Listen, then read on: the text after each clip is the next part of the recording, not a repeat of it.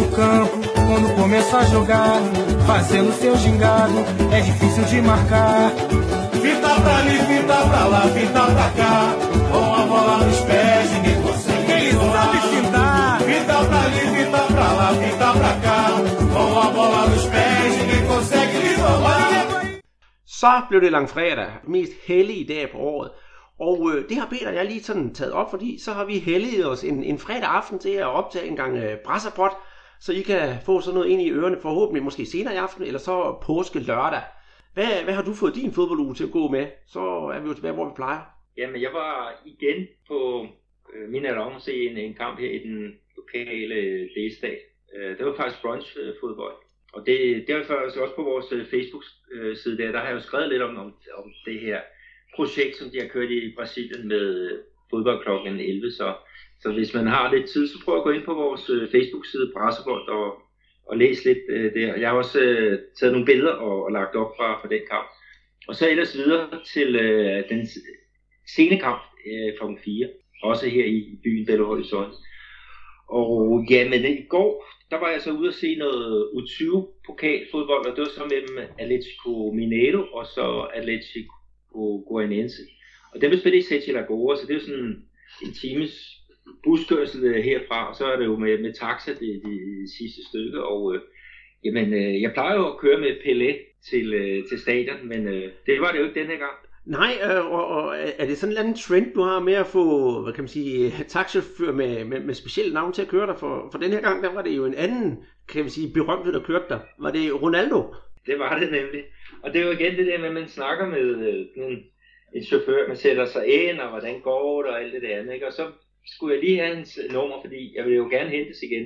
Det ligger sådan lidt ude, det her øh, stadion. Så, så kiggede jeg ned på det, så sagde jeg, det fanden, du hedder Ronaldo. Jeg plejer at køre med, med Pelé. Så ja, ja, men ham kendte han jo godt. Og fik jo så også, øh, jeg kom på det der WhatsApp med ham, så jeg kunne bestille ham i en god tid. Og han sendte så senere besked om, at, at nu var han nu var Pelé også ankommet til øh, den der rutebilstation, så han havde hilst øh, ham fra ham her, danskeren, øh, som arbejder som scout, og øh, jeg fik da også en hilsning øh, tilbage. Så. så det er et eller andet sted meget sjovt. Jeg glæder mig til at skulle ud og køre med øh, Romario. Det må jo blive næste gang. eller, eller øh, Bebeto. Men jeg, jeg må lige spørge dig, for det her i, i Sachilagoas, det, det er jo for os danskere nok det, nu man betragter in the middle of, of nowhere. Men, øh, men deres stadion, det der Arena do Chacará, eller som det ret beset hedder, Estadio Joaquim Henrique øh, Nogueira, det er, når man kigger på det og googler, det ser ret øh, moderne ud, og det ser ud til at kan have en ret stor kapacitet. Er det en, en klub, der satser på meget i byen? Nej, faktisk så er stadion det er blevet brugt meget af, af klubberne, de store klubber, specielt til ungdomsfodbold, altså U20. Øhm, Cruzeiro, de spillede der dagen før, øhm, Øh, mod øh, Zuma. Og så i sidste uge, så var det Amerikas U20-hold, der spillede mod Vasco da Gama øh, på det her stadion. Men, men de har en, en klub, der hedder Demo øh, Lagoas, men de har været sådan mere eller mindre underdrejet. Jeg tror faktisk, det er to år. Altså, de spiller jo ikke med på, på hverken første divisions- eller anden divisionsniveau her i, i, øh, i byen, men, men, men øh, det gjorde de for tre år siden, men, men øh, det, det er typisk det, man ser, at de der klubber, de blomstrer op, Øh, og så, så dumper de sammen, fordi de simpelthen ikke har, har penge til, til dagen og vejen. Og øh, der, der har jeg faktisk en anden historie om en, en Mineto-klub. nu, Det i det afsnit, vi skal lidt senere om, om Mineto-mesterskab. Men, men det, det er, ja, jeg tror det kan rumme ja, vel omkring 20.000. Og da Mineirão det skulle ombygges med henblik på, på VM-slutrunden i 2014, spillede både Cruzeiro og øh, Atletico deres kampe derude. Og det var ikke en publikumssucces. Altså det var, der var vel nogle gange øh, ja, 5, 6, 7.000, ikke? og det er jo ikke mange for, for en klub som, eller for klubber, som, som trækker 20 til 50.000 per, per uge. Nej, så det har været, det var en dyr omgang for, for de, de to øh, store klubber her i byen. Mm. Men, men, men, men nu, nu har du lige fortalt lidt, lidt om stadion. Altså, jeg mener at kunne huske, og du må gerne rette mig, hvis jeg, hvis jeg tager fejl. Jeg tror faktisk, det var det, at øh, det uruguayanske øh, fodboldlandshold, de brugte til deres træning op til VM 2014. Det er korrekt. Det var det, de holdt til. Mm. Vi havde tre klubber, tre lande, der, der holdt til her i byen. Der var Chile, som var på Crusados anlæg, det der hedder Harposa øh, Dois, altså øh, de har de har to træningsanlæg her i byen, og det er så det mest moderne, det er førsteholdårs træner. Og så var øh, Argentina med mit hold til på Atletico Mineiros træningsanlæg. Det der hedder Cidade do Galo. Altså hanernes by. Ja, og det andet, det er øh, rev nummer to, så det passer jo med de der maskotter, de har til. Og nu når vi så snakker om, hvad hedder det, øh, både, både du siger Argentina og Chile, og jeg har lige snakket om Uruguay, så kommer vi jo faktisk ind på, på aftens første programpunkt, som jo er Copa Libertadores. Og øh, jeg ved godt, normalt så plejer vi også at sige, hvad jeg har lavet i, løbet af ugen med, med noget fodbold, og jeg kan godt sige, at jeg har kun siddet foran fjerneren, så jeg har ikke det store og, og, og bidrage med specialoplevelser, som du har. Men øh, Copa Libertadores, det har jeg altså set noget af, og det har simpelthen, altså det har haft alt, hvad det overhovedet kan holde og trække af oplevelser inden for, for fodbolden. Vi har, ja, det kommer vi til. Vi har både haft det ene eller andet. Og øh, når vi så har snakket lidt om Copa Libertadores, det bliver nok en længere omgang, så skal vi lige runde statsmesterskaberne, for der er vi jo nogle af staterne nået til finalerne. Og så kigger vi på lidt øh, pokalfodbold, og så ser vi, hvor vi når. Skal vi ikke sige det? Jo, vi kan lige også tage med, at vi har en, en kedelig historie hernede fra øh, Brasilien. Altså, der er lige blevet afsløret noget pædofili. En træner, øh, som er, er under anklage. Og, øh, og så har vi jo også øh, ja, pokalfodbold. Ja, så det, vi har rigeligt at gå i gang til på sådan en, hellig fredag aften, så hold fast, og så følg med. Og så synes jeg, vi skal starte med, med Copa Libertadores og, og tophistorien. Skal vi ikke sige det? Det er uh, umiddelbart, jeg, jeg, jeg mener at kunne huske, det er Paumeters og Penarov, som mødtes. Det endte jo med en, en 3-2 sejr til Paumeters. Men for det første vil jeg sige, det er jo et, et mange kan godt lide at bruge ordet legendarisk, og det kan vi også godt bruge i det her tilfælde, et legendarisk opgør mellem det mest vindende hold i Brasilien og det mest vindende hold i Uruguay. Og hold nu fast, jeg tror, øh, Palmeiras, de har ni brasilianske mesterskaber, men det er jo langt fra, hvad Penarol har. De har 50 uruguayanske mesterskaber og 5 Copa Libertadores titler. Så det er jo ikke øh, her hvem som helst, de mødte. Nej, det er en stor klub. Og øh, det Palmeiras også, og det var jo virkelig et, et drama, som, som udspillede sig på Arena Palmeiras den her onsdag aften.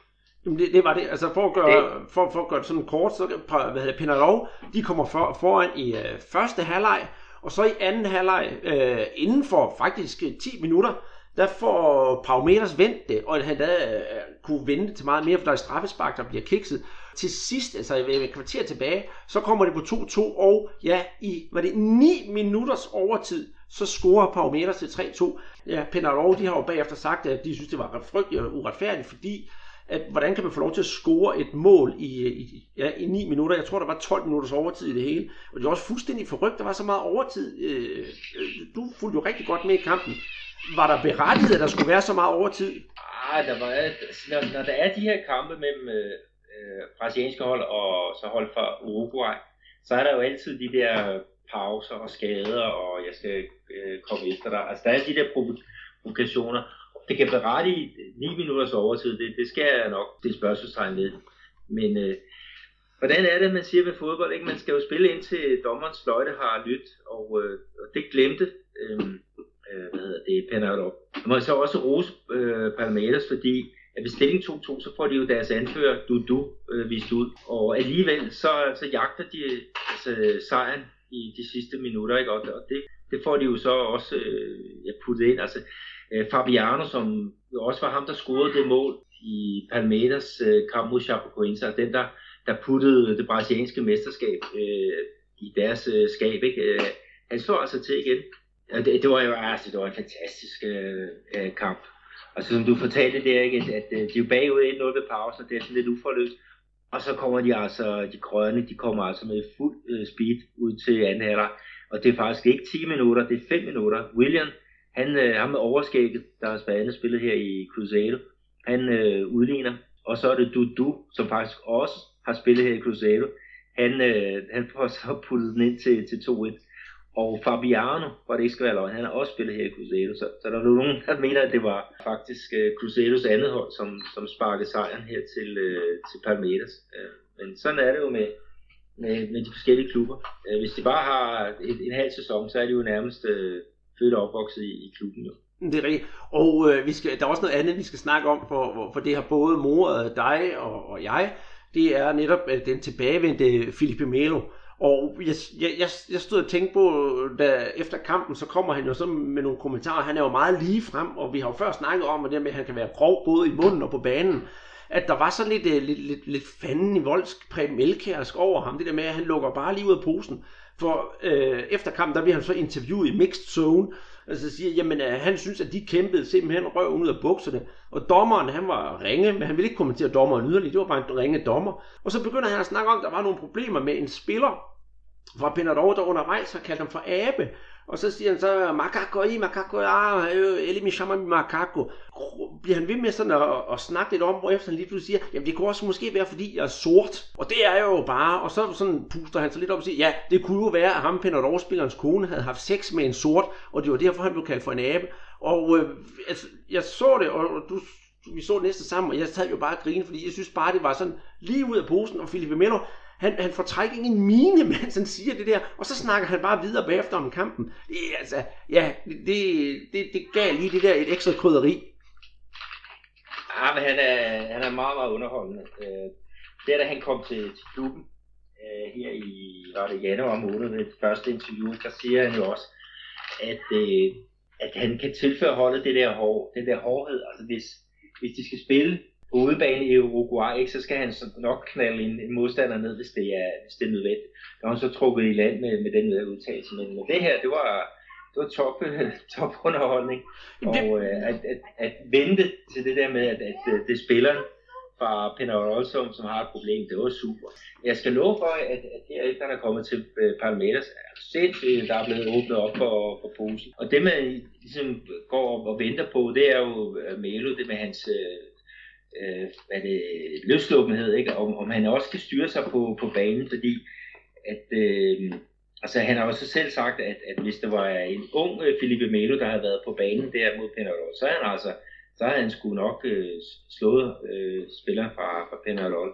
Men øh, nu er han mere rutineret, og, øh, og øh, han lader sig ikke provokere i den grad som, som tidligere. Mm-hmm. Øhm, hvis vi så kigger på stillingen i gruppe, mm, Palmeiras gruppe, som er gruppe 5, vi tager ikke grupperne sådan øh, i nummerrække, fordi vi tager dem efter, hvad vi synes er de mest interessante kampe, så sejren, den, øh, den bringer Palmeiras i, øh, i front i gruppen med, med 7 point, og modstanderen for Penarol, de er nede på tredjepladsen med, med, med 3 point. Men det sjove, det er jo, at øh, næste kamp, øh, i, i, i gruppespil. De har spillet tre kampe i den her gruppe 5. Palmeiras, de skal en tur til, til Uruguay, så mere spændende kan det jo næsten ikke blive. Og jeg tror også, at Penarol, de er klar på at satse hat, kat og regnfrakke på at få alle tre point mod netop Palmeiras. Det skal de jo også, fordi nu fik vi nævnt nummer to, det er Georgi Wilstermann. Øh, og de skal både bundholdet Atletico Tucumán fra, fra Argentina, ikke? og vinder de den, så, så kan der, hvis øh, Penarol ikke øh, i hvert fald får øh, hvad hedder det, en sejr her, så er der jo lige pludselig måske 6 point op til, til andenpladsen. Så, så det, ja, Penarol, der, der er pres på dem. Mm, det, det må man sige. Ja. Hvis vi kigger opad i grupperne, altså på gruppe 4, så var der jo, ja, vi kan roligt kalde det et, et lokalt derby, da, da Flamingo hjemme tog imod Atletico Paranaense. Og det var også en, øh, et bestemt en, en, en seværdig kamp. Jeg var meget hammerne træt dagen efter, fordi kampen startede altså kl. kvart i tre om natten her dansk tid. Men det var sgu det hele værd. Altså, Flamingo på hjemmebane foran 50.000 mennesker i, ja, for at sige det i pis øsende regnvejr. Det havde været nogenlunde dag i Rio, men om aftenen der begyndte det bare at stå ned. Så, så der var mange ting, ah, hvor mange kommer der virkelig? Og en, øh, en fantastisk flot tifo og så så vi jo netop en kamp, hvor, hvor Flamengo de, jamen, så to mål på et kvarter. Og så tænkte man, hold op, nu skal det her nok blive rigtig godt. Altså 7 minutter Diego, og så et kvarter, øh, undskyld, 7 minutter Guerrero, og så efter 15 minutter øh, Diego. Og det er jo netop lige de der goalgetter og de der store idoler, som endelig scorede og for, kan man sige, forløste lidt sådan det der Copa Libertadores for Flamengo. Så i, i, i anden halvleg, der formår Atletico Paranaense at komme sådan lidt tilbage i kampen, da Nick Count han scorer efter en, en time spil. Men altså, den holdte hjem for, hvad hedder det, øh, for Flamingo, og det, jeg synes faktisk, det var en rigtig, rigtig flot skalp at tage, fordi Atletico Paranaense, det er, det er jo ikke, det er ikke sådan et, et stort hold på, på, på niveau med Palmeiras for eksempel, men det er et traditionsrigt hold, som altid giver, altså altid er med til at, at spise kirsebær med store. Og bagefter kampen, så var der selvfølgelig mange mennesker, der snakker, ja, men det var jo ligesom pokalfinalen tilbage i 2013, men det synes jeg nu ikke, man overhovedet kan komme med nogen sammenligning. Men altså sådan er, altså det tror jeg også, det er i alle mulige andre sammenhænge, men Flamingo de elsker at, at være tilbage i historien og komme med, komme med sammenligninger, men alt i alt en, øh, en rigtig, rigtig, rigtig god kamp. Og øh, som sådan en lille, øh, kan man sige, krydder på toppen, så var vores gamle ven fra øh, Santa Cruz, nemlig Graffiti, han var, han var på banen. Øh, nu har jeg jo selvfølgelig, som jeg altid siger, mine farvede briller på. Synes du, og ligesom jeg, at det var et retfærdigt resultat for, for Flamingo at hive tre point hjem? Ja, men jeg synes, det var en, øh, et godt resultat. Altså, det, det, var, det var fair nok, at de vandt med, med et mål. Og igen, jeg hæftede mig med disse målscorerne. Øh, Paulo Guerrero, han øh, prøver at komme igennem, og, og, og bolden bliver så pareret af, af en modstander, kommer op i luften, og så hvad er det, hæver han sig til værs, ikke, og får lige stødt de sidste meter ind. Altså, det var virkelig en og målet til, øh, til 2-0, ikke? Diego, som, som modtager bolden fra, fra sådan, spillet ind fra, fra kanten omkring strafsparkspladsen, ikke? Og han sætter den jo simpelthen bare op i, i krogen uden chance for, for Wiverton, ham der, der stod på det brasilianske OL-landshold. Så jo, øh, fint, fint, øh, fint resultat, og også en vigtig sejr for, for Flamengo. Jamen. Øh, som med, med den her sejr, de kommer jo op på, på førstepladsen i, i en meget, meget jævnbyrdig pulje, og vi er jo halvvejs. Og på anden plads, der har vi Universidad Católica fra, fra Chile, og så har vi, de har fem point, og så Atletico Paranaense med fire. Og så nede i bunden, der ligger San Lorenzo, bare med et enkelt point. Mm-hmm. De har jo ikke rigtig fået forløst noget. Men, men en ting med, med Flamengo, altså Diego, han gik jo skadet ud og, og er væk her. Man siger, at han er, er færdig resten af gruppespillet. Hvad kommer det til at, at betyde sådan umiddelbart? Du siger, Jamen, altså, er det Montijo, der, nej ikke Montijo, skal, Manquesio, der skal ind og, og tage den rolle, det, eller hvad, hvad man gør, tror du? Jamen, det, det, det tror jeg, men, men som du ved, så, så kan Flamengo have sådan lidt AGF-tilstand en gang imellem, at der bliver sagt meget, og, og det er sådan helt svæver, og nu skal de jo vinde det hele. Øh, før den her kamp blev spillet mod Atletico, uh, Atletico Paranaense, der, der snakkede man om, at hvornår skulle Sergio Carlos fyres, og det kunne ikke gå hurtigt nok. Vi kommer også tilbage til statsturneringer. Det begrunder lidt, hvorfor at der var nogen, gerne vil have ham fyret. Og så laver han jo sådan en pragtpræstation her, og så lige pludselig, så går han fra den ene dag skulle til at skulle blive fyret, og så den næste dag skal han nærmest helgenkors. Og det, det er virkelig også øh, Flamingo i en nødeskal. Og nu er man jo selvfølgelig ked af den der skade, og så kan det jo nok godt være, som du siger, det er Manquesio. Men øh, alle rygter, som man skal ikke tro på, de går jo varmt der Bedio eller Dario Conca, som er begyndt at træne. Så selvom jeg bare gerne vil give dig ret, og det, jeg tror også, det bliver Manquesio, men, men, men rygterne siger altså også noget andet, at der er nogen, der, der står og, kan man sige, i, i siden og, og banker på. Altså, de forventer utrolig meget af Conca, og vil gerne have ham på banen så hurtigt som muligt, men altså, jeg, Ja, men Konker ville være en, en fin løsning, men han har bare været skadet rigtig længe. Præcis. Så også lige tage med, at, at den i stillingen, ikke, at i Flamingo på, på toppen, ikke, og så har de jo så kun to point ned til nummer tre, at det Paranaense, de skal faktisk mødes her den, den 26. april, og det bliver jo på hjemmebane, øh, arena, der er Bachata, altså kunstgræsset, hvor at, øh, Atletico Paranaense øh, nærmest er uovervindelig. Øh, de tabte kun én kamp sidste år i, i Serie A på, på det her øh, kunstgræs. Og hvad, hvad tror du, Flamengo de vil sige, okay, vi, vi vil nok være tilfredse med, med et point? Åh, ja, jamen, øh, ja, nej, selvfølgelig, selvfølgelig vil man da ikke det. Men, men de har jo så trods alt fordelen, så vidt jeg umiddelbart kan se, så øh, den anden kamp i gruppen, den bliver altså spillet før. De, er, kan man sige, de kan jo nå at se resultatet af den anden kamp i gruppen, før de selv skal spille. Så, så, så de har jo alt at vinde kan man sige på den måde, om de skal bare nøjes med et point, eller satse på at tage alle tre.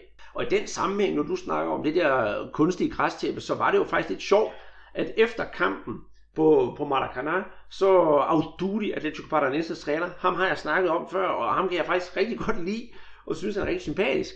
Han øh, synes, at resultatet var uretfærdigt, og han gav, skylden, på, gav skylden til græsset, altså på Maracanã. Og ja, Maracanã har været meget igennem, og det er måske ikke den bedste græsplæne, de har netop på det stadion. Men jeg vil dog sige, at øh, de spiller under samme forhold begge to. De Flamingo, de har jo ikke så mange kampe, har de jo ikke spillet på det stadion. Så de spiller under samme forhold. Og når netop, at Atletico Paranaense, øh, de har jo deres eget græs på hjemmebane, deres kunstgræs. Så jeg synes, hvis jeg skal være helt ærlig, at Dudi, han skulle bare have en uh, tudekiks, og så sætte sig op i bussen, for det var på sådan et løst grundlag. Altså, det, det kan vi godt være, være enige om. Altså, det er, der er jo politikken øh, her i, i Brasilien, øh, eller politikken, at der besluttet, at fra 2018, så vil det være forbudt at spille med kunst, på kunstgræs i den brasilianske øh, serie. Og det, det er jo nok også noget af det, som øh, bliver brugt her, ikke? Altså hvis man kan klage over Maracanã, fordi den er ujævn, ikke? og så samtidig udvise en, en plan øh, øh, lige øh, hjemmebane øh, med, med kunstgræs. Ikke? Altså, jeg, jeg tror, at Audute, han har brugt det som, som noget krudt til at sådan projekt bevare, bevare kunstgræsset i, i CA. Fordi dårlige baner, dem har man godt nok også mange af i, i Brasilien. Ja, det har vi, og klubberne er jo nærmest vant til at spille på dem. Øh, hvis vi så øh, lægger Flamingo-kampen væk, så synes jeg, vi skal tage et, et kig på, på det mest succesrige brasilianske hold i uh, Copa Libertadores i år indtil videre. Og det var faktisk Grêmio. Og ja, nu siger jeg mest succesrige, det er fordi, de har kun spillet to kampe, og de har simpelthen haft fuldt hus i, i begge kampene. Og den sidste kamp, der spillede de mod uh, Desportes i Cajique. Men hvad er det, Andreas? Jeg fik jo en besked fra dig ja. øhm, under den her kamp, fordi at øh, du skamroste Grêmio. øhm, Jamen, det, nu sidder, nu sidder der kommer i hvert fald nogle beskeder. Nu stod den 1-0, nu stod den 2-0, nu stod den 3-0, og der var mange flere mål i den der kamp. Det var vel at mærke, at Grêmio, der på hjemmebane var, var kommet foran. Ja, de altså, helt over inden. Øh, jamen, ved du hvad? Jeg var sgu så glad. Altså, det, det var jeg holdt op, og, og der var god stemning på stadion. Og i hvert fald i første halvleg, der fik de 15.000 mennesker noget for, noget for pengene. For som sagt, ja, jeg skrev til dig under den her kamp, og så der gik 16 minutter, Luan, bang, 1-0. Luan igen, bang, 24 minutter, 2-0. Endda på et perleoplæg af veteranen Leo Motor. Og der vil jeg lige knytte en, øh, en kommentar til, til Leo Motor. Leo Motor, han har spillet 550 kampe i Flamengo og var et stort øh, idol i Flamengo. Han var højre bak på det tidspunkt, sådan en rigtig klassisk brasilianer bak, der løb med frem. Så kom han til, øh, til Nordøst-Brasilien. Jeg kan faktisk ikke huske, om det var, var det ikke Sport Recife? Han det var Santa Cruz. Var det også Santa Cruz, ja.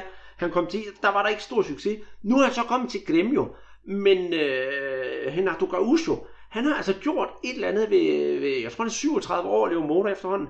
Han har placeret ham faktisk en lille smule længere fremme på banen, og så lidt længere inde. Så, så han, altså, han spiller sådan en, en mere en slags øh, en, en, en, en midtbanespiller, som også løber med frem. Ikke en 8 eller sådan noget, men det er sådan lidt underlig position, han har fået. Den er i hvert fald lidt mere fremskudt, den han havde før. Og der blomstrer han simpelthen for, for alvor. Og han er blevet fast mand hos Gremio, og en af de der øh, støtter, de kan regne med inde på midten. Men ja, nok om ham. Han lagde op til, øh, til, til, to mål, til 2-0 mål efter 24 minutter. Og så efter en halv time, så var der straffespark, og der scorede Bolaños. Og der skrev jeg også til dig, den her, den kører Gremio hjem, og de kører dem simpelthen over. Så blev det, blev det halvleg, og jeg må være ærlig sige, at jeg var sgu lidt træt, så jeg gik i seng, fordi jeg tænkte, at det, det bliver en form sag for Gremio. Og så var jeg gået i seng, så sørger mig, min mobiltelefon, den er begyndt sådan at bimme lidt, og så lige pludselig, bada bing, så efter en time, jamen, så stod der så 3-1, og efter 70 minutter, så stod der 3-2, så vågnede jeg så lidt op igen, så jeg, hold da op, øh, hvad sker der for Gremio? Men, men jeg kunne jo kun se highlights bagefter.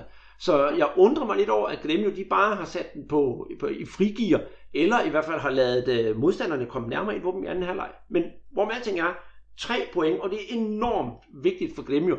Om det så er vundet med 3-0 eller 3-2, det er jo sådan set ligegyldigt, fordi nu har de jo så, ja, 6 point på kontoen, og ja, sammen med Guarani, så, så fører de jo den pulje.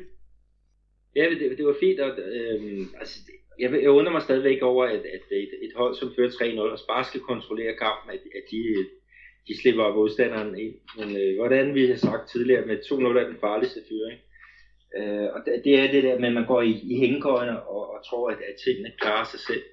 Øh, men, men godt kommet igen af, af de der i kig.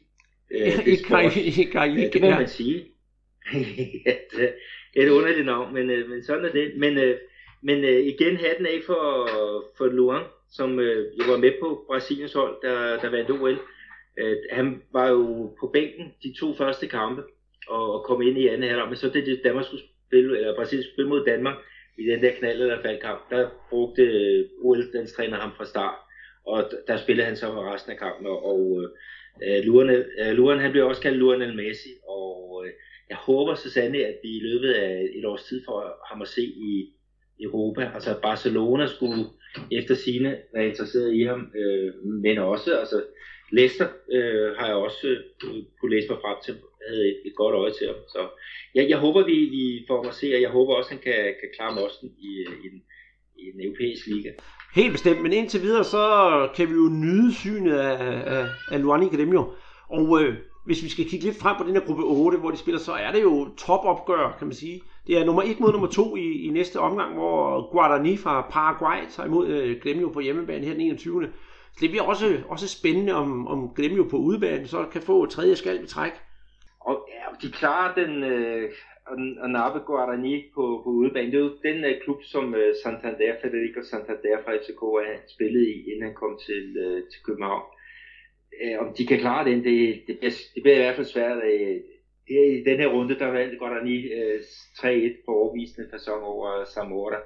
Så det bliver virkelig en, en voldsom test for, for Grêmio, men øh, lad, lad os se, det kan være, at Leo Mora, han, han igen øh, blomstrer, ikke? Og, og med øh, Luan i det her spilhumør, så, så ja, jeg tror et point, det vil de være tilfredse med øh, i den her svære udkamp. Mm-hmm. Og, øh, men men øh, i forhold til nogen, der blomstrer, så har vi jo en, der går op og blomstrer her i, i min øh, baghave.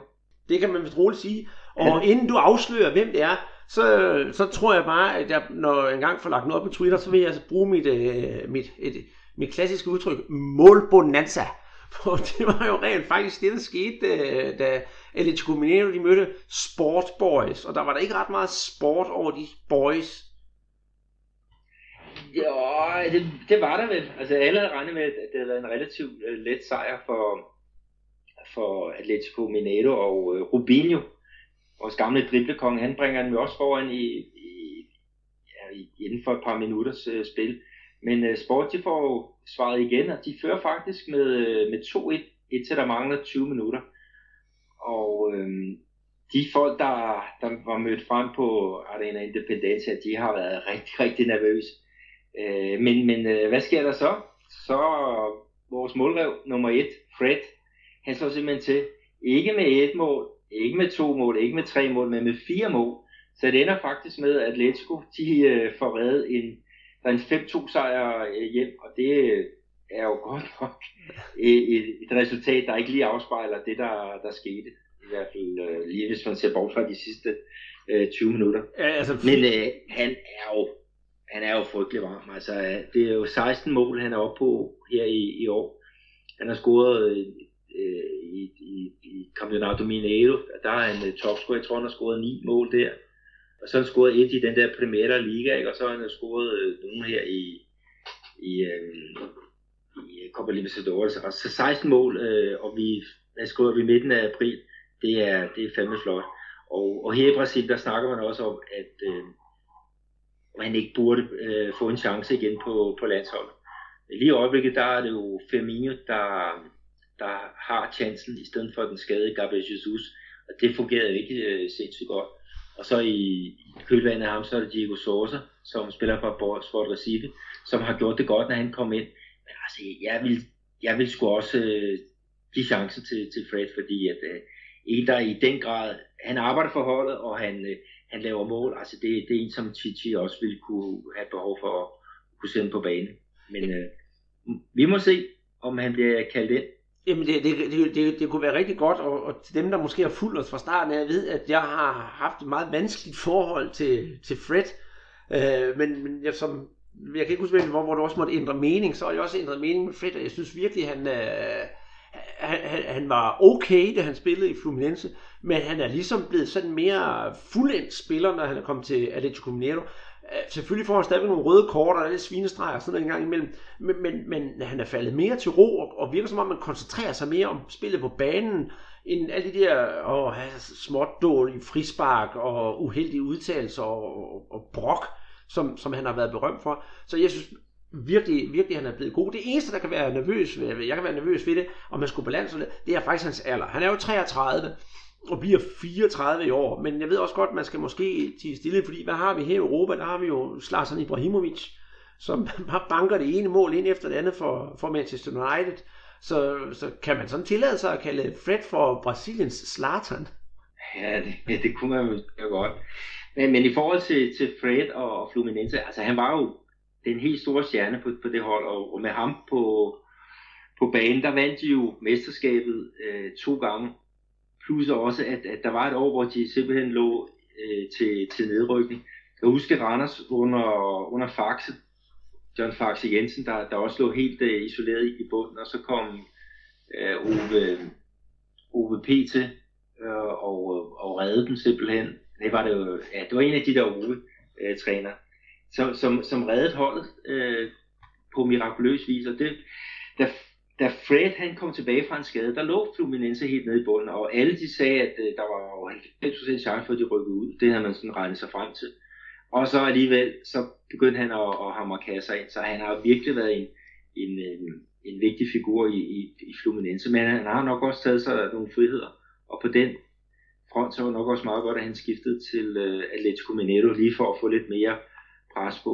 Det er også da han skiftede, hvem var det, han skulle kæmpe om og starte ind med? Det var Lucas Prato, øh, den argentinske landsholdsspiller. Så, så han har løftet sig, og det har været rigtig øh, godt at se. Mm. Og det tror jeg også, man kan sige, i Fluminense, der var han jo, han var stjernen. Og jeg tror, så vidt jeg husker, han tjente tre gange så meget i løn som spiller nummer to for Fluminense, så han har bare været et kæmpe stort ego. Og, og, og det er måske ikke alle, der har lige godt af det, og så siger, som vi siger, han kommer til Atletico Mineiro, og der har vi altså Rubinho, og øh, det kan godt være, at han også virker charmerende, men hans ego er da mindst lige så stort. Så de to har jo ligesom skulle have et, et, et, et clinch med den, det har de så ikke haft men finde ud af det til at fungere, at, at jeg er altså ikke den eneste superstjerne på det hold, der er så andre, jeg skal arbejde sammen med, og det har jo været virkelig frugtbart, og de to, nu har vi jo rost dem til skyen så mange gange, og jeg gør det gerne en gang til, siger Fred og Robinho, jamen jeg tror nærmest en, en hver større europæisk klub ville øh, elske at have de to på samme hold. Ja, men jeg synes også, de, de gør det godt, og øh, de har jo europæisk erfaring, for han har spillet i, i i Lyon i, i nogle år. Men der satte de så faktisk på en ung øh, fyr, der hed Benzema. Vi skal også snakke lidt om ham med hensyn til øh, delstatsmesterskaberne her i Atletico, eller i Minas Gerais. Øh, så, men øh, skal, vi lige, skal vi lige afrunde øh, Copa Libertadores, fordi at øh, Botafogo, det var jo det sidste brasilianske hold, der var i aktion. Og de var på en vanskelig opgave. Det var ude mod de forsvarende Copa Libertadores mester fra Atletico Nacional. Og hvad, hvad blev den egentlig? Jamen, inden, inden vi afslører, afslører det, så skal vi, skal vi ikke lige have stillingen i gruppe 6, for det har vi jo glemt. Oh, ja.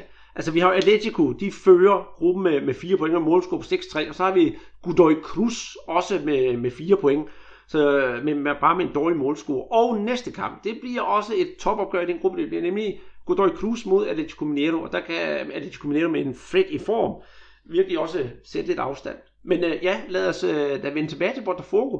De spillede mod øh, Atletico Nacional på udebane og vandt 0-2. Så det var jo fantastisk flot. Og Botafogo, de fortsætter bare den der, øh, ja, Copa Libertadores-stime. De har jo om nogen spillet Copa Libertadores-kamp i år. Hvor mange har de spillet, inklusiv kvalifikation? Er det ikke en 7-8 stykker? Og hvad de, de første kvalifikationsrunde, der var de op mod Colo Colo, som også er et, øh, et af de traditionsrige hold, og virkelig en svær nød at kæmpe øh, knække. Og så havde de Olympia fra Paraguay, som også har vundet en, en Copa Libertadores nogle gange. Og den, den klarede de så også, så det vil sige 2-4, og så det er det den tredje kamp, mener jeg, ikke? Jo. I, i buljen. Jamen det må være 4 plus 3, øh, det giver 7, 7 kampe. Og, øh, og jeg, jeg synes, at, øh, at, at det er et hold, som har, har modnet sig rigtig meget her på det sidste. Øh, da vi snakkede om Botafogo for et år tilbage, der, der tænkte vi på, at de skal bare ikke rykke ud, fordi at det, det så virkelig øh, øh, noget vakkelvogn ud. Men, men øh, deres træner, daværende træner, han skiftede så til øh, São Paulo, øh, og øh, så kom øh, Jaisinius søn, øh, ham der kan, dem der kan huske tilbage fra 70 og 74, ham der blev kaldt for orkanen, det er den højre, højre ving, der bare spændet fra et eller andet hans søn, han er jo træner, Jair Ventura. Han overtog lidt en trænerbejenrække, og han fik virkelig øh, sat, sat system i, i det her hold, og øh, de blomstrede op og nåede så øh, kvalifikation til Libertadores. Og så her med, med den her udskillingsløb hen mod gruppespil, ikke, hvor de virkelig også har, har taget nogle mile øh, skridt og, og øh, mod Atletico Nacional. Altså det, øh, som jeg så af, af den kamp, så holder de jo egentlig modstanderne meget godt fra, fra de helt store chancer. Altså Atletico Nacional får hjemmepublikummet. De kommer godt nok til nogle chancer, men det er sådan nogle skud fra ja, det 15-20 meter, sådan lidt ude, sådan lidt vinklet. Så de står øh, rigtig godt øh, organiseret. Og så har de øh, en giftig kontrafase, og det er også den, som, som giver øh, udslag øh, to gange. Det første mål, det er Carmelo. Uh, han, han får, får bragt uh, Botafogo foran 1-0 slutningen af første alder, og så i overtid, der lukker indskiftet Guillermo i kamp igen på, på, på kontra. Så uh, hatten af for, for drengene fra, fra Botafogo, altså de er virkelig uh, på rette vej. Skal så var de uden deres uh, playmaker Montijo ja. i, i den her kamp. Men uh, så rykkede de uh, Carmelo ind på, på den centrale del, ikke? Og, og han er bare en genial uh, fodboldspiller. Mm. Ikke øh, også uh, en halvleg, nej ikke en halvleg, det er en halv halvleg, da Brasilien de spillede den der velgørenhedskamp mod Colombia i januar måned, mm. uh, og det var så på Botafogo's hjemmebane, Ingenieur, uh, og det nød han også at lave lækre detaljer, tunnel og det hele, så han er ovenpå. Og nu du snakker om, om den der venskabskamp mod Colombia og på, på Ingenieur Botafogo's hjemmebane, så synes jeg, at noget af det vigtigste i den her kamp, selvfølgelig tre point til Botafogo, fuld, altså helt respekt om det, og fortjent resultat. Men øh, hvis der er noget, man snakker om i, i det hele taget i, i, i, fodbolden, i fodbold lige nu, og hele tiden har gjort det, så er det der med, med for eksempel ingen racisme, det, det har så ikke noget med det her at gøre, men det er jo fair play, og hvis vi noget, vi oplevede til den her kamp, det var jo fair play. For efter kampen var slut, var der jo stående ovationer til Botafogo fra Atletico Nacionals tilskuere.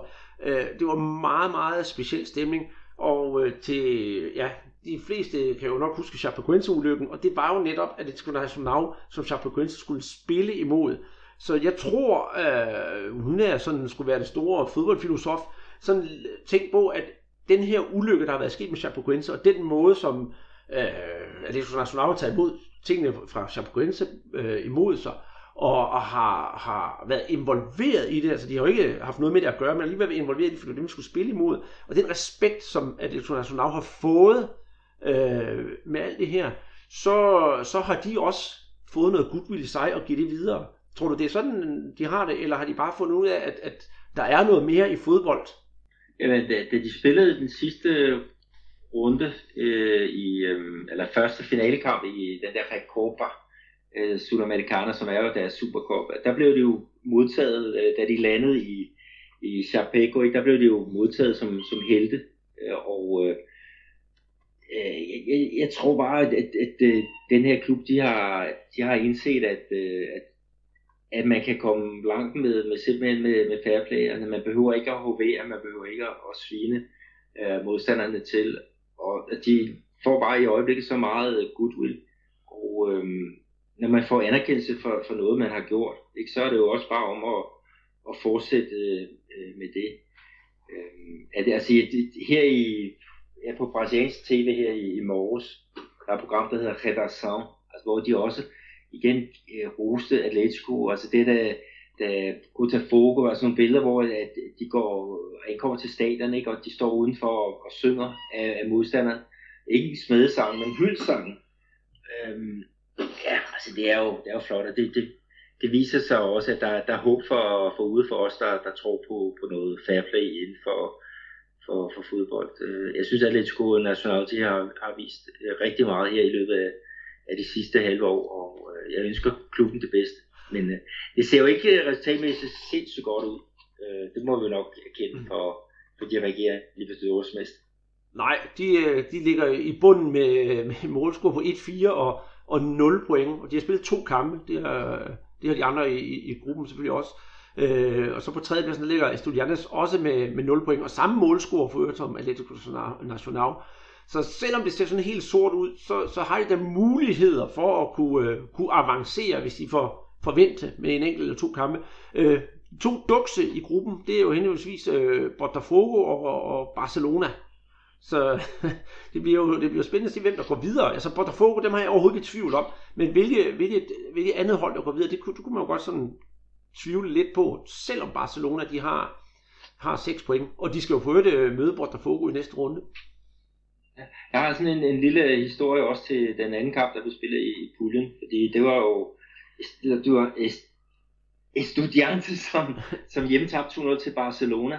Øhm, og øhm, øh, hjemmeholdet, de havde faktisk øh, deres klubpræsident på banen i den første time. Og øh, ved du, hvem han er? Jamen, det er jo ingen, ingen ringer end den ja, veteranen øh, Juan Sebastian Verón, som jo tidligere har været kåret som årets hovedspiller i Argentina. Det er da noget af en, øh, en kapacitet her på banen, trods hans høje alder. Ja, han har jo faktisk øh, lagt, han havde lagt støvlerne på hylden, men øh, det sidste halve år, der har han trænet hårdt for at komme igen, og han skulle faktisk have været med i, øh, i øh, klubbens første kamp mod Botafogo. øh, men det viser faktisk, at han havde en karantæne, som ikke var blevet øh, afviklet, så, så han var så stor. Han var med i flyder og det hele, men øh, ja, alle blev overrasket over, at han, han var, var karantæner. Men uh, nu er han i hvert fald i gang, og, og han spillede som sagt en time, og havde faktisk et glimrende skudforsøg. Øh, men, men en time, det var hvad de 42 år i ben, de kunne, kunne holde til. Ja, men nok om øh, gamle argentinske spillere. Skal vi, øh, skal vi kigge videre i, i... Ja, vi skal til de regionale mesterskaber. Det skal vi, og øh, skal vi lave den klassiske med kaffen og colaen, og så også en skiller på? Nu er der tanket op, og så er vi klar til at snakke om, ja, statsmesterskaberne, som har været i gang i, i Brasilien. Og lad os øh, starte i Rio. Det kan vi gøre kort og flot, er det ikke det, man siger? Øh, der har der været semifinaler, eller playoff, som de ynder at kalde det ned til, det der hedder Tassa Rio. Og øhm, der har det jo ikke været, været ingen ringer end Botafogo, de mødte Fluminense, og Botafogo, de, ja, der sejrede de jo også 3-1. Og øh, Vasco og Flamengo, de kørte en fest i 0-0 hjem. Faktisk for at sige det mildt, det var død hamrende kedeligt at se på. Men øh, Vasco, fordi de var bedre placeret i de indledende spil, så skulle de bare nøjes med uafgjort, så det var Vasco, der gik videre. Øh, lidt interessant i det her store sammenhæng, det er, at i statsturneringerne i år, der er Flamengo de røget ud begge, øh, begge gange, men de har ikke tabt en kamp i år i den her spilletid. Det, det er da alligevel noget af en bedrift. Ja, det er, er det, der kan ske med sådan en lidt underlig øh, turneringsstruktur. Ikke? Og, og her, øh, den her, som de har været i Rio i år, ikke? Den, er, den er meget, meget vanskelig at gennemskue det var meget, meget svært at tage sig sammen til at sidde og se, se Vasco Flamingo.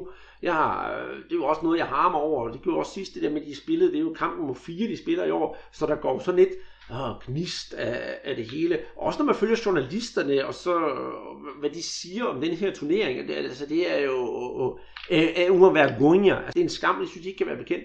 Og jeg, jeg sad og så den der Vasco Flamengo kamp, og de der to kommentatorer, man skulle tro, man skulle tro, det var, det var, det var finalen i Copa Libertadores, der sad og blev, de sad og kommenterede, men, men jeg kunne simpelthen ikke tage mig sammen til at, at, at føle, at det, det var interessant, og det var ret beset også en, en ligegyldig kamp. Og var det... Øh, og jeg kan ikke huske, hvad nu han hedder, vores øh, det store idol, Diego. Diego fra Flamingo, der bagefter også sådan, han var mere eller mindre ligeglad med resultatet, fordi nu skulle de bare fokusere på Copa Libertadores. Og det samme var at se Ricardo. Altså, ja, selvfølgelig var det ærgerligt, men det var ikke nogen skam, og nu skulle de satse på, på Libertadores. Men til gengæld, som jeg sagde i indledningen af programmet, så var folk jo møghamrende super, fordi nu kunne Flamingo heller ikke engang slå Vasco, og de kunne heller ikke slå Vasco tidligere, der spillede de også uafgjort, så nu skulle han jo fyres, men ja, altså ro på, den her turnering, den, den, åh, den er simpelthen udvandet sig selv. Hvem tror du vinder? Er det øh, Botafogo eller Vasco? Jeg tror Vasco de vinder fordi at uh, Botafogo de er, de har må også have, have øjnene på Copa Libertadores, og øh, de er faktisk stadigvæk i øh, Colombia lige i øjeblikket. Øh, de træner her i, i dag, øhm, her om formiddag, øh, fredag formiddag. De har trænet, må det så være. Og så rejser de hjem mod Brasilien øh, lørdag, hvor de så også lige har en, en, øh, en enkelt øh, træning der, og så kører det så, så der også. Altså, de må have den der øh, kamp mod Atletico National i, i benet, og Vasco, de, de kan møde øh, udvilet op til, til det her, øh, til den her kamp. Så Vasco, de, de vinder den det, den, den hopper jeg med på, og som du sagde, at de kører fuldt program med Botafogo-kampen, dem jeg spillet på søndag, så ja, det er jo rigtigt, man kommer hjem fra, fra Colombia, og hvis det var mig, der var Botafogo-spiller, så ville jeg heller ikke øh, tage den her kamp sådan synderligt højtidligt. Så ja, det var, det var Rio, og det var meget, meget hurtigt. øhm, skal vi en tur til São Paulo? Ja, São Paulo, der skal vi jo have en ny delstatsmester. Øh, fordi øh, Santos, som jo har vundet turneringen de sidste to år, de blev slået ud af Ponte Preta. Vi så tage med, at øh, Ponte Preta, de havde vundet den første kamp øh, hjemme øh, 1-0. Og øh, Santos, de vinder så kamp øh, nummer to med, med samme cifre, og, og det var et, et mål, som øh, du i hvert fald øh, snakkede rigtig, rigtig godt om. Jeg er blevet øh, spurgt her i den her forløbende uge, for at du godt kan lide brasiliansk fodbold. Og hvis man ser det mål og oplægget til det mål, det forklarer det hele. Jeg holder ikke med Santos, øh, det ved de fleste jo nok. Der, der kommer en bold ind i, på, øh, i højre side af feltet. Jeg kan ikke huske, hvem det er, men der er sådan nærmest en, en halvliggende saksespark, sparker den videre til David Braster. Bang ind, også med et saksespark. Og hvis det ikke var rundens mål, øh, eller næsten, øh, det, jeg synes godt, det kunne, kunne ja, kandidere til at være i hvert fald månedens mål i Brasilien, for det var det er lige præcis derfor, man godt kan lide brasiliansk fodbold. Og jeg tweetede også om det, så der ligger et, et gift derinde, hvor jeg lige fik lavet, så man kan se det. Og det var blær med blær på. Og det bedste, det er jo faktisk, at det var mod Ponte som også spiller den bedste række, så det var ikke bare sådan et eller andet let købt mål mod øh, et middel mod et hold. Hvad der så gjorde det endnu, det hele mere, endnu mere interessant, det var jo faktisk, at øh, David Braz, han blev også en stor sønder, for øh, med Santos 1-0 sejr, så ender det samlede resultat for, ja, for begge opgør, det ender så i det straffesparkskonkurrence. Og der er det jo faktisk David Blas, der, der kikser straffespark for Santos, og så er, kan man sige, er, er skyld i, at Santos ikke, ikke går videre. Øh, noget andet, der er interessant at nævne i den her kamp, det er jo, at vores øh, gamle AB'er, Kajke, han øh, scorer på det første straffespark for, for Santos. Ja, han øh, startede på bænken, og så kom han ind i sidste, øh, jeg tror det var fem minutter i stedet for øh, Ricardo Oliveira, øh, den, den helt store øh, center forward på, på det her hold. Øh, men han, han, hans bedømmelse, Karike, det var selvfølgelig umuligt at, at give ham en eller anden karakter efter de der få minutter, men han var i hvert fald meget, meget sikker på, på straffesparket. Han, han sætter den ind på ved, ved venstre stolpe, og øh, Aranya, som er en super stor målmand, han er faktisk han er på vej mod men den er så yderligt placeret, så, så den ryger selvfølgelig ind. Mm. Så det var, det var i hvert fald fornuftigt nok med, med, med Kajka. Han, ham kan man godt stole på, det kan når, man. når der skal sparke op. Og i, i Santos, der er de jo sådan rimelig nede over det, og jeg, jeg vil godt øh, sige, hvis man, hvis man googler, så kan man man finder et resultat, men det er sådan lige hvad jeg husker. Jeg mener, det er første gang i 9 eller 10 år, at Santos de ikke er med i slutspillet om øh, São Paulo-mesterskabet, altså i semifinalen og finalen. Så det er altså lidt, lidt en bed for klubben, ikke, ikke, i hvert fald ikke at få arrangementet.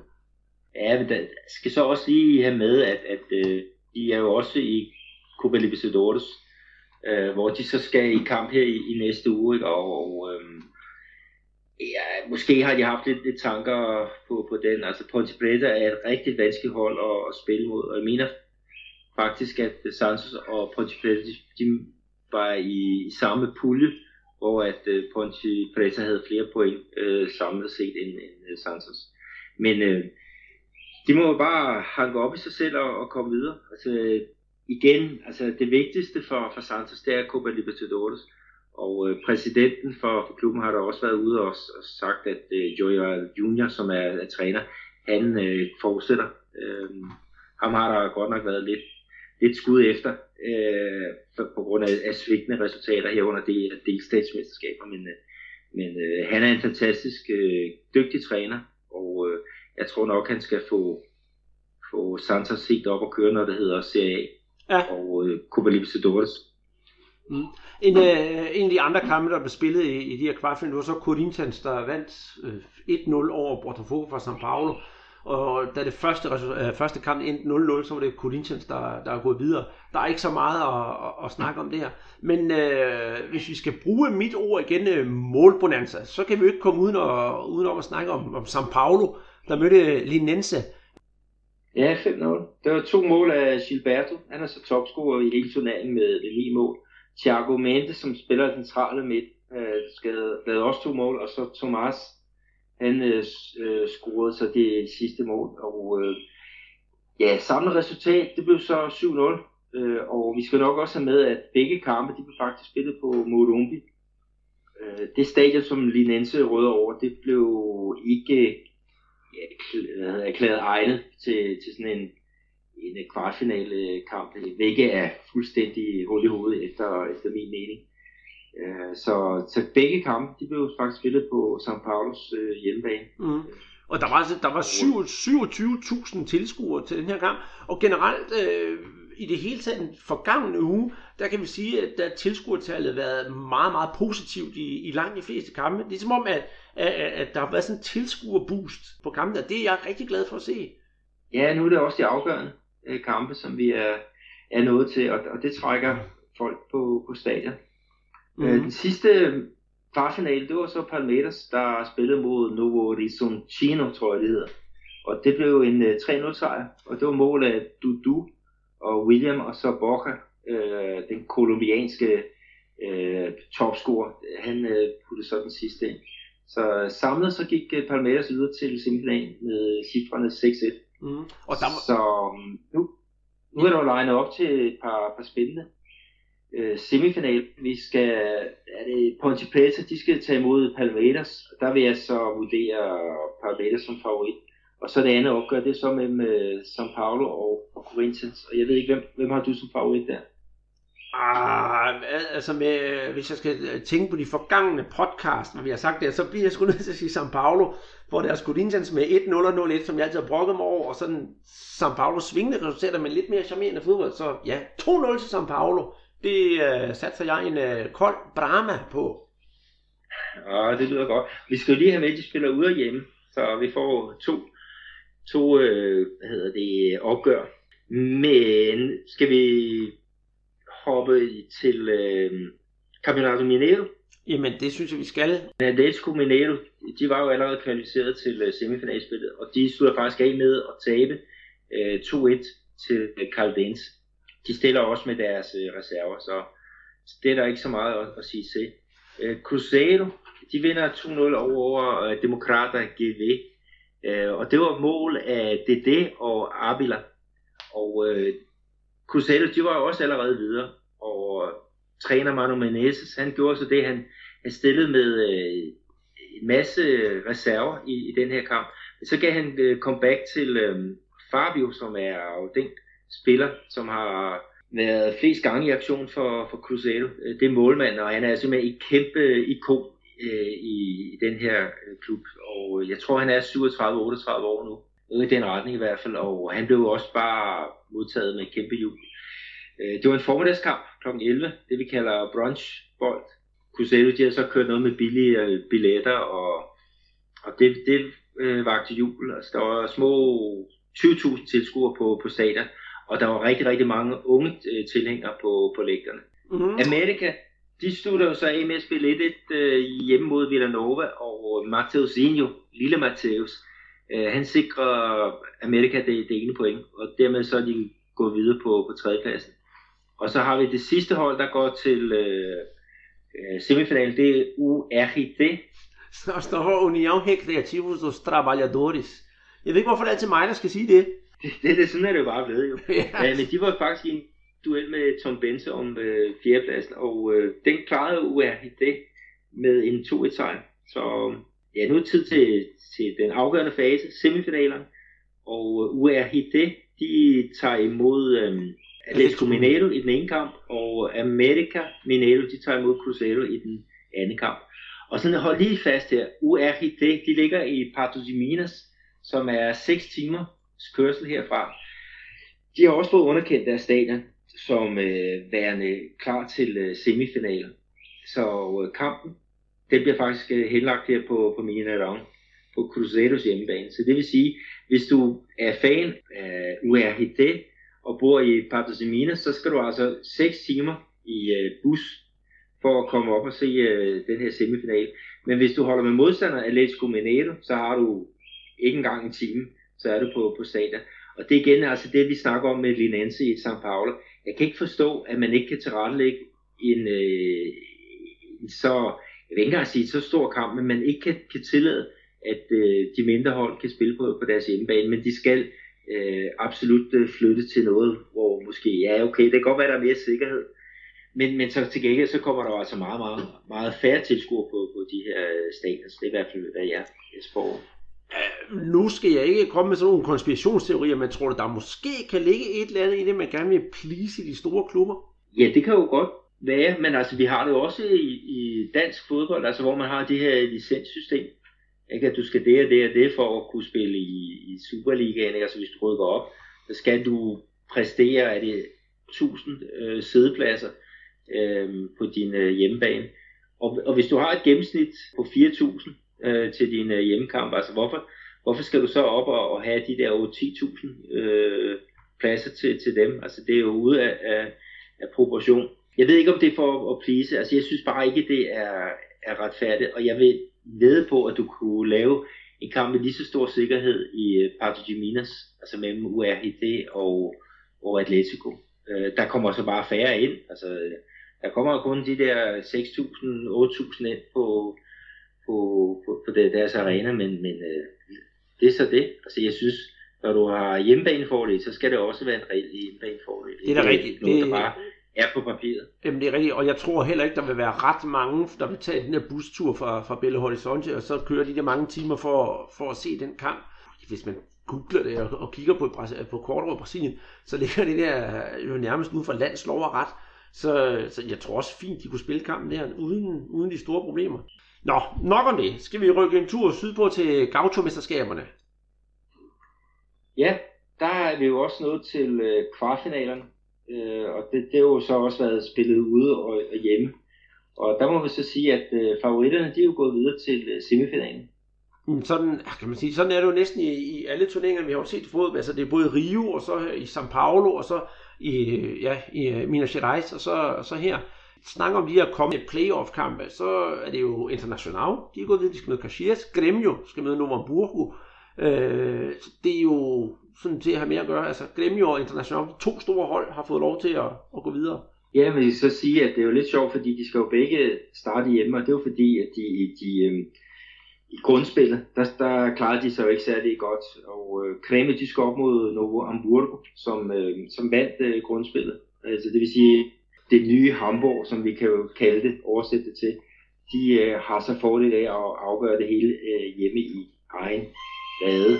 Og så er der jo International, som, som skal til Caxias og spille øh, returkamp. Det er jo lidt, lidt sjovt, at, at, øh, at så to, to så store klubber, de klar, har klaret så dårligt i grundspillet, mm. og så alligevel er fremme ved semifinalen.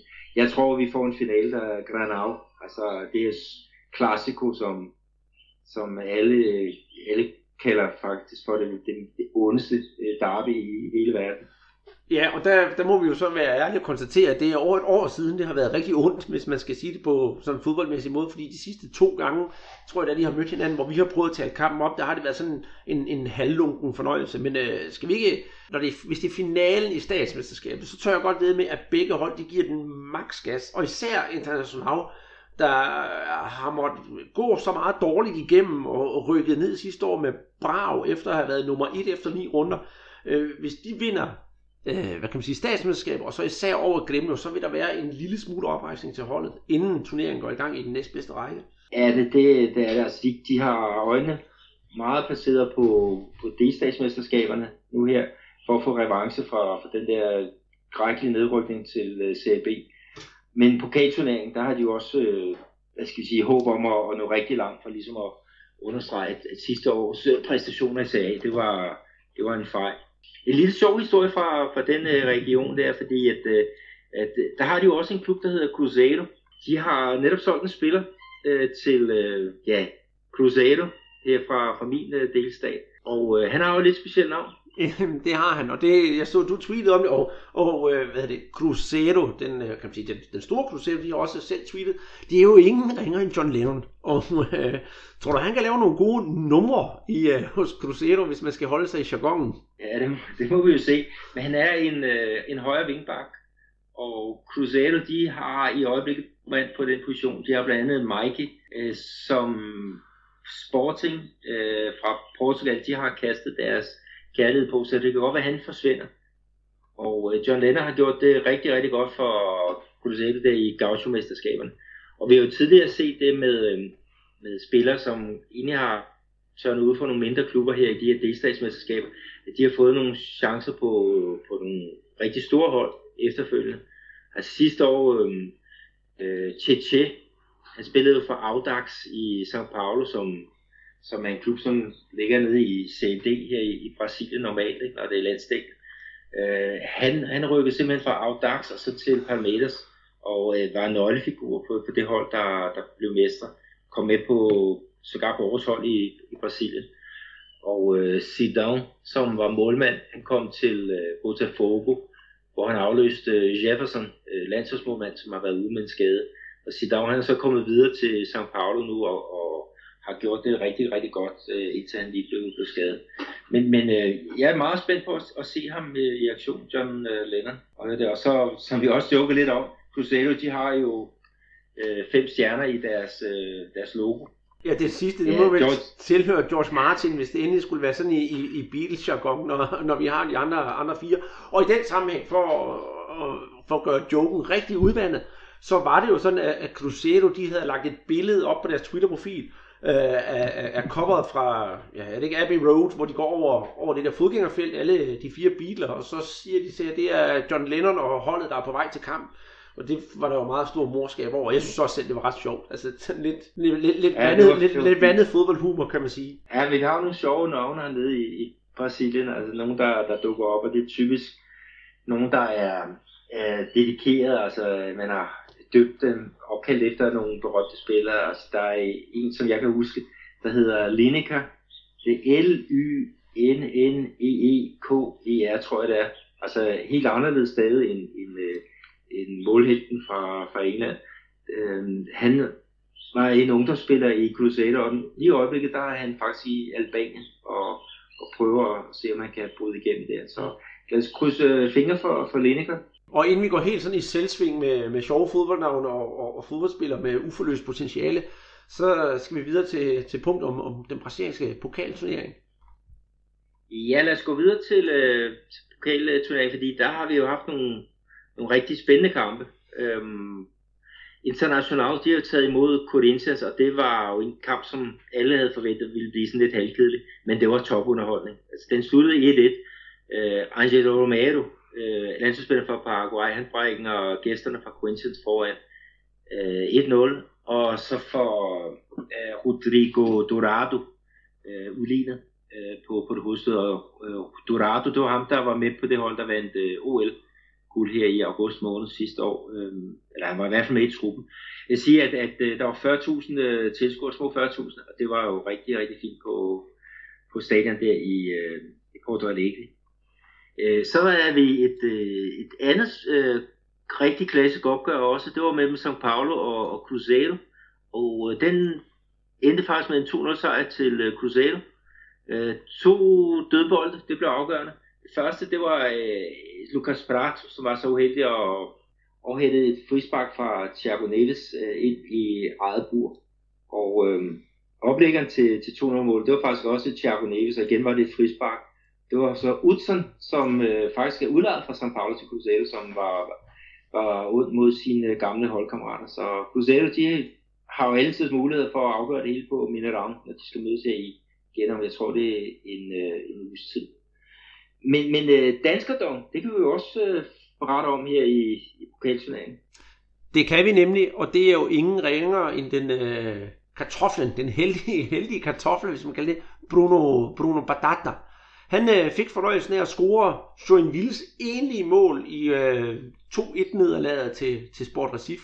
Øh, jeg har ikke set kampen. Jeg har jo kun kunne se resultaterne, og så grinede lidt om. Det var så Bruno Patata. Jeg ved ikke, om du har mere at tilføje til det, end jeg har. Og det var et flot mål, altså dem der sendte op øh, altså via opstanderen og så, så ned i, i buret. Altså, det er rigtig, rigtig flot afsluttet af, af Bruno, øh, som jo spillede i, i Brøndby, og det et halvt års tid, men uden at, og fået den helt store succes. Jeg, jeg tror, han scorede et mål i 10 kampe, og det var på et straffespark, hvor han, han nærmest selv tog bolden under armen for at, at, at komme på tavlen. Men øh, han, han har jo spillet her i nogle mindre klubber i Brasilien, og så i øjeblikket der er han på sit første år i, i Joinville, og, og fedt, hvis han kan få lidt, lidt tur i den. Ja, det kunne være, det kunne være rart for ham. Og, og, og så vidt jeg husker, jeg, i, i Brøndby der blev han ikke kendt for at hedde Bruno Pardata. Der hedder han faktisk uh, Bruno Cardoso, hvis, der, hvis det ringer en klokke hos nogen. Og hvad ja, det kan godt passe. Det kan godt passe, at, uh, at det var det. Så. Men den sidste kamp, uh, som jeg synes, vi skulle snakke om her, det var faktisk uh, Victoria mod Paraná. Altså, det er et hold fra CA, som tager imod et hold fra CB. Og det er faktisk gæsterne fra Paraná, som, som vinder øh, 2-0. Øhm, og øh, selve kampen, der var måske ikke så meget at sige om, om den, men øh, målscoren til 2-0, det er en, der hedder Guillermo Fideco. Han kommer ind i anden halvleg og, øh, og leverer øh, så målet øh, til, til 2-0. Og han har nemlig en, en speciel øh, historie, og øh, han brugte også den her lejlighed til at, at hedre hans øh, lillebror. Øhm, Mateus Pideco, han var en af de spillere, som omkom i fluelykken med, øh, der, der ramte Chapecoense. Og, øh, og Guillermi, han blev så bagefter øh, interviewet om, om det der med, med øh, den måde, han, han hedder sin, øh, sin afdøde lillebror. Og han fortæller simpelthen, at, sådan at, at, at, hvor svær en tid det er, at, at han har været igennem. Altså det der øh, beskrivelige sorg, som, som de har været udsat for, og så også det, det pres, der er blevet lagt på, fordi han skulle både være anker for, for, ja, for hans egen familie, ikke? men så sandelig også øh, den øh, familie, som, øh, som øh, Matthæus han, øh, han forlod. Og øh, det er jo som gjort, at han har sagt, at det var bare, det har bare været svært både at træne, og det har været svært at, at spille. Men øh, nu fik han i hvert fald en lille forløsning her, og han fik kædet sin, sin bror. Og øh, forhåbentlig så kan han komme til at koncentrere sig om at, at spille mere fodbold igen. Ja, Jamen det, det, det må man da håbe for ham. Og nu når, nu, nu kan vi lukke sådan det her pokalturnering ned, og så synes jeg, vi skal øh, desværre bliver vi nok nødt til at fortsætte i en sådan lidt uh, sørgelig tråd. Jeg havde nu helst set, at vi skulle afslutte vores podcast her til påske med en, en, en god og sjov og spændende nyhed. Men, men det er desværre en anden grøft, at der er kommet frem af, i øh, uh, Espírito Santo, det er en, en lille stat, der ligger nord for Rio, øh, er kommet frem, at der er en fodboldtræner, som har misbrugt nogle øh, unge fodbolddrenge seksuelt. Og det er en, en frygtelig, frygtelig historie, og det er jo åbenbart ikke noget, der sådan er helt ukendt i Brasilien. Ligesom om, at, at med denne her historie, der er sådan ridset hul på bylden. Ja, men der, altså, det, det er noget, man, man har set øh, hernede i Brasilien. Jeg ved ikke, om det er tit, men det, det er desværre noget, der, der sker øh, nogle gange. Altså øh, spillere, der der, der drømmer om at blive professionelle fodboldspillere, som, som har et talent, som flytter hjemmefra øh, og ud på sådan et eller andet akademi øh, med den der drøm om at, at blive professionel fodboldspiller. Og så er der jo nogle træner eller nogle ledere, som lover den guld og grønne skov. Jeg skal nok sørge for, at du kommer ind og, og kommer ind i en endnu større klub, øh, hvis du bare gør sådan og sådan og sådan, ikke? Og så på den anden side, så tror de jo simpelthen også med at, at slå moren eller faren ihjel, hvis det er således, at, øh, at øh, de fortæller derhjemme, hvad det er for noget, som de har blevet øh, udsat øh, for. Øh, den metode, han har brugt, den her 46-årige træner, altså det er jo, øh, spilleren har boet på, på sådan en akademi, som har været sikkert primitiv med 4-6 spillere på et lille, lille værelse, og nogen sover nok også på gulvet siger han, I kan komme hjem overnat hos mig, fordi at det bliver for besværligt med logistik og hente jer til den her kamp tidligt øh, i, i morgen. Så I, I overnatter øh, hjemme hos mig, og det bliver, det bliver stille og roligt. Og så kommer så alt det der, hvor han fortæller om, hvad de skal gøre. Øh, og og øh, det ender faktisk med, at ham her, øh, det fortælles, at han får spillerne til at stå med hånden på Bibelen og love, at de, at, øh, at de vil tige stille om, hvad der er sket. Ikke? Øh, så med til historien, at træneren han har nægtet sig, sig skyldig, men øh, men i det materiale, bevismateriale, man har på, på sagen, ikke, der har man blandt andet fundet en, øh, en video, øh, hvor han er i gang med at misbruge en af de, øh, de, de unge fodboldspillere. Altså det knægte på, på 13-14 år, vi, vi snakker om. Ikke? Og, og der er indtil videre fem sager, øh, fem spillere, der har meldt sig, og der, der er, øh, hvad siger der, der kommer flere på, på vej. Øh, han er selvfølgelig blevet fyret fra, fra sin klub, ikke? men øh, nej, hvor er det... Øh, øh, trist, at man skal, skal høre sådan nogle historier, og, og hvor er det godt, at, øh, at man kan få, få, få fat i sådan en, en øh, bandit. Ja, jeg synes også, det, det er fuldstændig utilgiveligt, og det er frygteligt. Og jeg kommer til at tænke på, hvad det, hvad det er i efteråret sidste år, der også kom lignende historier frem med nogle, nogle engelske fodboldtrænere. Og jeg synes, det er simpelthen noget af det, ja, det er sgu noget af det værste. Og, og, og de her stakkels børn, altså de kommer jo garanteret fra fattige kår, mange af dem, så de bukker jo bare under og, og stiger ja og og gør, hvad der bliver sagt, ikke også? Og så bliver udnyttet på den måde for i håbet om at, at kunne få lidt, lidt tid i rampelyset. Jeg synes, at, at, at nu kommer der sådan en sag frem her i, øh, i Espírito Santo, og Espírito Santo er ikke nogen øh, stor fodboldstat i Brasilien, men, men, men jeg håber, at CBF de får øjnene op for sådan noget der, og så simpelthen lader lad hammeren falde, og laver nogle undersøgelser, og så siger, hvad, hvad foregår der? Hvad kan man sige, hvis man krasser lidt i overfladen i, i, i ungdomsarbejde i klubberne, for jeg tør ved med, den her sag, den er, ikke, den er desværre ikke, ikke, ikke enkeltstående. Og det skal nok foregå i, ja, i netop sådan et stort land som Brasilien, hvor der måske ikke er lige kontrol med alt. Ja, det er, er helt sikkert, at der skal gøres en, øh, en indsats. Altså man skal oplyse øh, selvfølgelig børnene, men man skal også oplyse deres, øh, deres forældre. Og øhm, jeg håber da, at det her, det, altså hvis der er forældre, der har mistanke, at de så, så øh, kommer, kommer frem og, og i hvert fald får, får snakket med deres børn. Og også få, få lavet noget præventivt i forhold til, øhm, øh, til de her unge øh, drenge. Altså, hvad skal, man, hvad skal man gøre, når man står over for sådan en, en situation? Ja, selvfølgelig. Det, men øh, lad os håbe på, at de får, får øjne om det.